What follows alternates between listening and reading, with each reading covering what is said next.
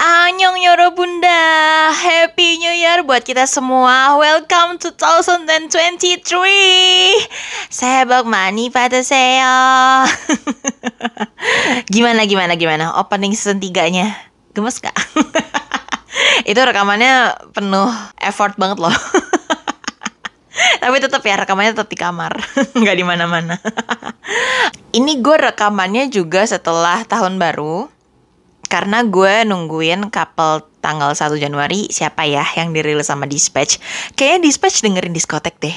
Karena pas di episode yang Jungki gue kan bilang ya ini tanggal 1 Dispatch please jangan bahas Jungki lagi ya. Gue pengen couple yang lain. Kayaknya dia dengerin deh. Sebenarnya di sini sih gue nggak bahas couple tanggal 1 Januari ya, karena couple tanggal 1 Januari itu adalah Sindong Suju dan pacarnya yang bukan seleb. Jadi gue bingung juga mau bahas apanya gitu ya, karena fansnya juga udah bukan yang tipe BIM, terus juga yang tipe udah support banget, bahkan kayak ayo semuanya cepetan punya pacar terus nikah gitu ya. terus ceweknya juga bukan selebriti, jadi ya mau dikorek apa lagi kan. Nah, yang gue mau bahas di episode ini adalah couple tanggal 31 Desember, yaitu Lily couple, Lee Jong Sok dan Lee Ji Eun, yaitu Ayu ya. Menurut gue ya, kayaknya tuh sebenarnya Dispatch tuh mau nge-revealnya tuh di tanggal 1 Januari buat si Lily couple ini. Cuman gara-gara speech desangnya Lee Jong Sok di tanggal 30 Desember akhirnya dispatch kayak hmm kayaknya momennya lebih pas nih kalau gue revealnya langsung tanggal 31 Desember gitu. Karena udah rame banget fans berspekulasi gitu ya.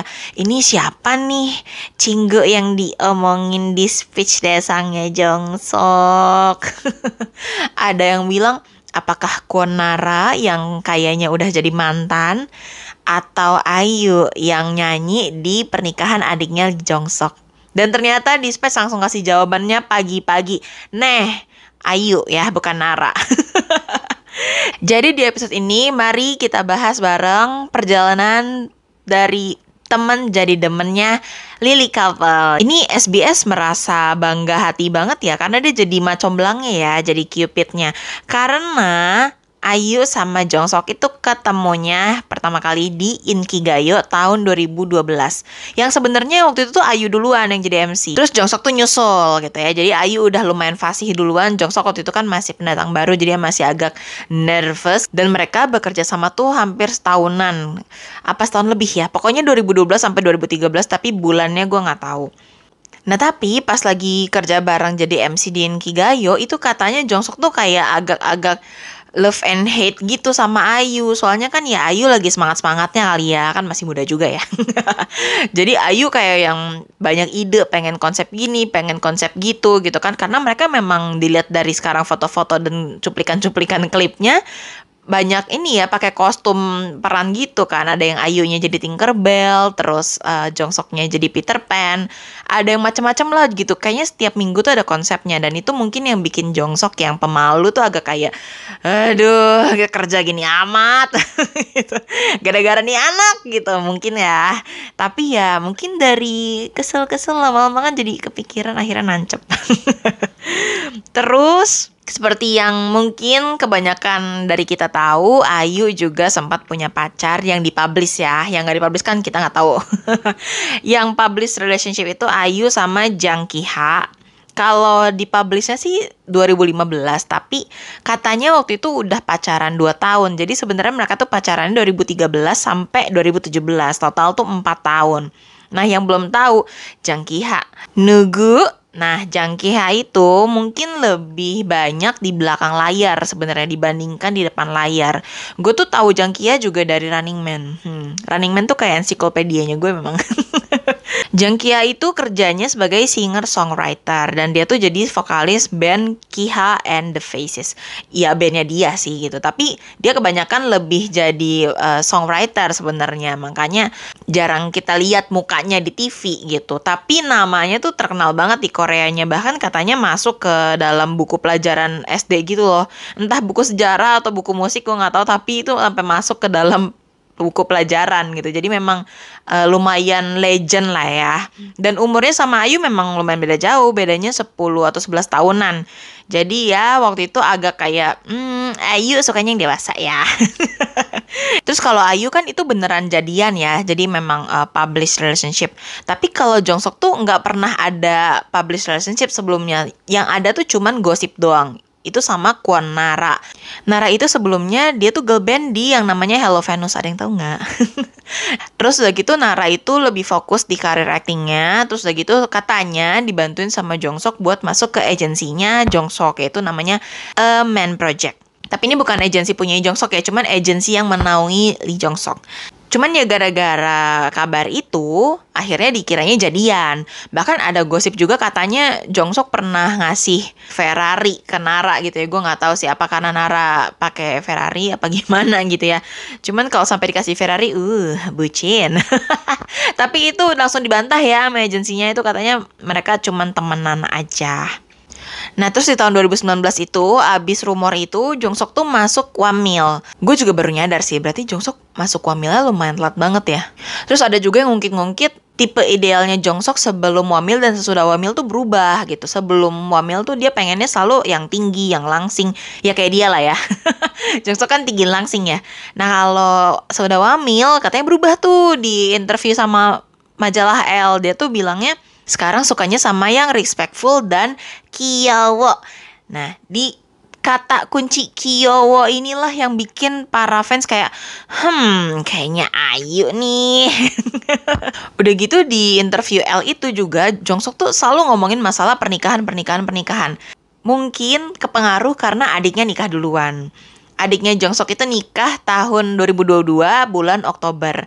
Nah di situ Ayu nyanyi. Di situlah mulai terjadi gosip dan rumor beredar kayak hmm kok something fishy ya. Ini ada apa nih kok bisa agak random nih Ayu sama Jongsok gitu ya. Walaupun mereka terkenal berteman dekat gitu cuman kan yang curiga mah ada aja soalnya sebenarnya mereka itu jadiannya tuh bulan September ternyata guys makanya pas kemarin diumumin mereka udah jadian itu baru empat bulan Ternyata juga mereka itu tertangkap kamera liburan bareng Natal tahun kemarin 2022.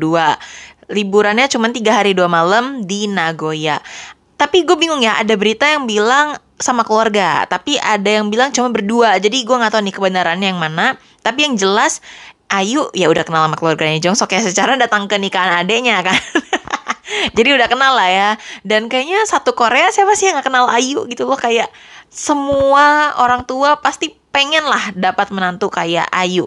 Pasti auto approve lah ini mantu ya. Tapi yang gue senengnya juga ini couple juga sepadan banget ya menurut gue sefrekuensi selevel gitu. Karena ya Jongsoknya juga bukan aktor kaleng-kaleng dia juga kemarin menang Desang di MBC dan Ayu siapa yang nggak tahu Ayu di Korea ya. Dia tuh bener-bener penyanyi segala usia segala genre kayaknya semua bisa dan emang kepribadiannya juga lovable banget. Dan lebih gemesnya lagi seudah gue baca um, surat dari keduanya buat para fansnya. Jadi ini gue bacain sekilas aja lah ya. Hai Yuena, kamu lagi tidur nggak ya? Gimana kalian ngabisin sisa waktu di tahun 2022? Hari terakhir tahun ini mungkin kalian kayaknya sedikit kesel ya karena aku. Kali ini aku mau mengucapkan selamat tahun baru, sekaligus mau berterima kasih, sekaligus mau minta maaf. Seperti yang diketahui lewat artikel hari ini, aku sedang berpacaran. Aku sedang membangun hubungan yang baik bersama rekan lamaku sambil saling mengandalkan. Aku bersyukur dia selalu mendukungku selama ini dan mengatakan padaku kalau aku keren, keren banget. Dia orang yang bisa aku andalkan dan cute banget. Yuena yang memperhatikan aku pasti juga nyadar deh kalau belakangan ini aku secara emosional lebih stabil. Dan menurutku salah satunya ya mungkin karena dia. Karena sudah ketahuan, kami akan menjalani hubungan yang baik dan tenang supaya fans tidak khawatir. Maaf karena mengejutkan kalian, tapi terima kasih juga untuk kalian yang mendukung kami. Tadinya aku nggak niat nulis panjang, tapi setiap suku kata aku pikirin lama hingga sudah sampai tahun baru nih sekarang. Padahal aku mulai nulisnya di tahun 2022. Sambil nulis ternyata udah 2023. Ih Ayu tuh bener-bener full of sense banget ya Makanya gue suka Maksudnya ini di dalam suratnya yang serius Dia selipin celotehan-celotehan yang bukan jokes yang bikin ketawa ngakak gitu Tapi yang bikin senyum gitu loh. Dan kayaknya kita semua setuju ya Kalau Lee Jong Sok ya memang kyo Terus ini uh, suratnya Lee Jong Sok sebenarnya lebih panjang lagi. Kalian bisa baca sendiri sih Cuman ada satu part yang pengen gue highlight. Lee Jong Suk tuh nulis gini, gimana jelasinnya ya? Jadi aku menjalani hari-hariku seperti biasa, tapi ada sebagian dari hatiku yang kayaknya tuh selalu mikirin dia gitu. Aneh banget emang. Tapi kayaknya kalian akan lebih ngerti kalau aku bilang dia itu kayak Kang Dan I. Setelah gue cari-cari, awalnya tuh gue pikir Kang Dan I tuh kayak bahasa Korea kan mereka manggil orang biasa belakangnya tambahin i kan. Jadi gue pikir namanya Kang Dan doang. Gue udah nyari kok nggak nemu gitu. Sampai akhirnya ada yang bilang Kang Dan i itu namanya bukan Kang Dan doang namanya gitu. Jadi kalau dipanggil tuh Dania gitu bukan Dana gitu. Ngerti kan? Semoga ngerti ya. Akhirnya nemu ternyata itu tuh adalah perannya Inayong di uh, Romance is a Bonus Book. Itu adalah dramanya Lee Jong Suk sebelum Wamil ya dan ternyata perannya di situ tuh Lee Jong Suk sebagai Chan Ho dan In Yong sebagai Kang Dan I ya perannya sama kayak dari temen jadi demen gitu loh. Dan sini kalau misalnya bisa gue ringkas intinya ya Jong Suk itu udah lama suka nih sama Ayu sama aja kayak Chan Ho suka sama Kang Dani di drama. Tapi dia nggak berani ngedeketin karena kayaknya rasanya belum tepat gitu. Timingnya juga belum pas ya. Mungkin karena keduluan juga sama Jang Kiha ya. Dan di drama juga kan Kang Dani itu sempat uh, merit dulu gitu kan. Jadi ya keduluan orang lah kesalip orang. Tapi memang Chan Ho ini yang mungkin di sini mirip juga sama Lee Jong Sok dia juga tipe yang loyal gitu ya. Kayak gue akan tetap support lo walaupun lo sama orang lain gitu lo akan selalu ada di hati gue walaupun lo sama yang lain gitu. Jadi dia juga nggak mau maksain perasaannya ke Kang Dani atau mungkin di real life-nya ya ke Ayu gitu. Makanya kenapa dia temenan lama banget ya bestian mulu. Tapi ya kayak maju mundur maju mundur kayaknya belum tepat. Dan mungkin sekarang timingnya sudah tepat gitu. Jadi ya banyak fans yang makin meleleh ya sama kisah mereka gitu. Yang bener-bener apa ya Jongsuk tuh udah suka dia dari lama di dalam suratnya Jongso tuh udah nulis dia tuh suka sama Ayu itu dari pertengahan umur 20-an. Lah which is itu kan pas dia ketemu di Gayo ya, umur pertengahan 20-an buat dia gitu. Jadi ya hmm ternyata sudah 10 tahun ya Jongsok suka sama Ayu gitu. Cuman ya mungkin timingnya belum tepat dan mungkin sekarang udah saatnya Jongsok juga udah kayak hmm gue udah umurnya uh, Ayu juga udah dewasa kayaknya nggak mau nyari yang lain deh gitu kali ya bahkan dia speech di desangnya aja ya gue denger lagi setelah mereka confirm jadian jadi makin mm, manis banget. Jongsuknya kan bener-bener kayak terbata-bata tapi ya kita semua tahu dia lagi gobek gitu kan. Kita semua tahu dia lagi confess.